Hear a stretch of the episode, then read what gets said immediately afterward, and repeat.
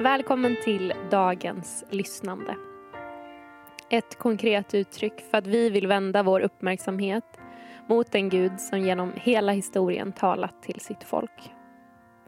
Idag lyssnar vi till Johannes evangeliet 16 kapitel och den 33 versen. Och du kommer att få höra texten fyra gånger.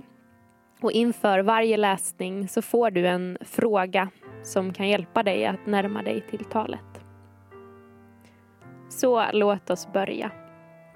Jag hoppas att du har hittat en bekväm och avskild plats att vara på. Och för att hjälpa oss själva att landa, ta tre djupa andetag och tillåt dig att bli närvarande inför ordet.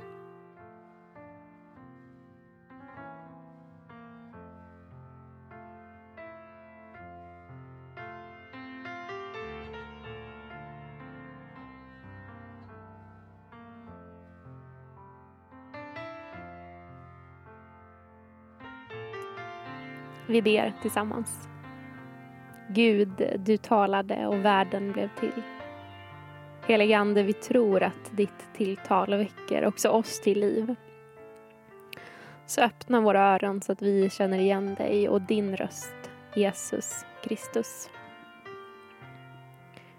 När jag nu läser texten för första gången, ett sammanhang där Jesus i slutet av sitt liv talar med sina lärjungar, så försök lyssna till den som om det vore första gången du hörde den. Kanske är de här orden bekanta för dig eller så är det faktiskt första gången du hör dem. Johannes evangeliet 16 och vers 33. Detta har jag sagt er för att ni ska ha frid i mig. I världen får ni lida, men var frimodiga. Jag har övervunnit världen. Hur tänker du dig att det kan ha känts att sitta med Jesus själv och lyssna på när han talar med dig? När han talar om lidande och frimodighet. Vad betyder de orden för dig?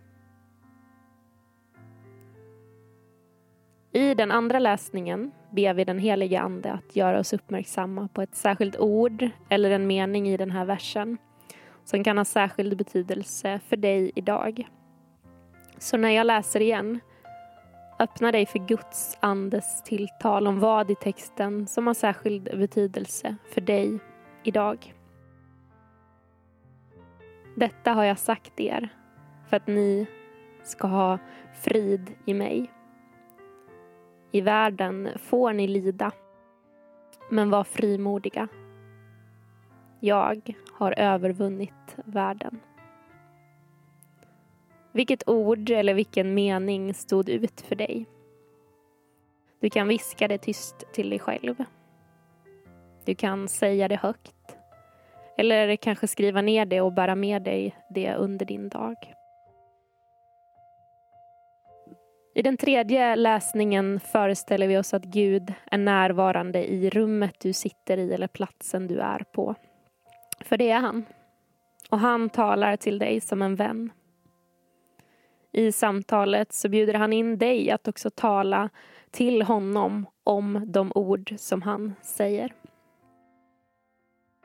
Detta har jag sagt för att ni ska ha frid i mig. I världen får ni lida men var frimodiga. Jag har övervunnit världen. När Gud nu har sagt det här till dig, vad blir din respons?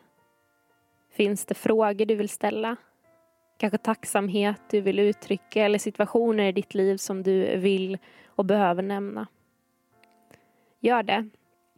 Tyst, högt eller om du trivs med att skriva så kan du skriva din respons till Gud och på så vis ha ett samtal med honom.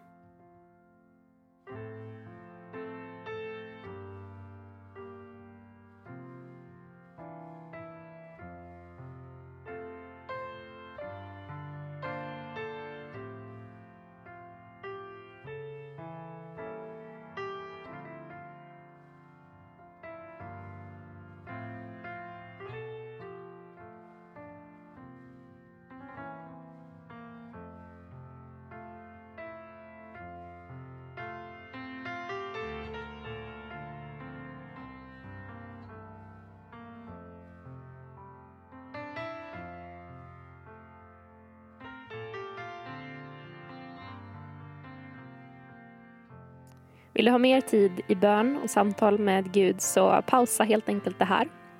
Jag kommer nu att fortsätta med den fjärde och sista läsningen.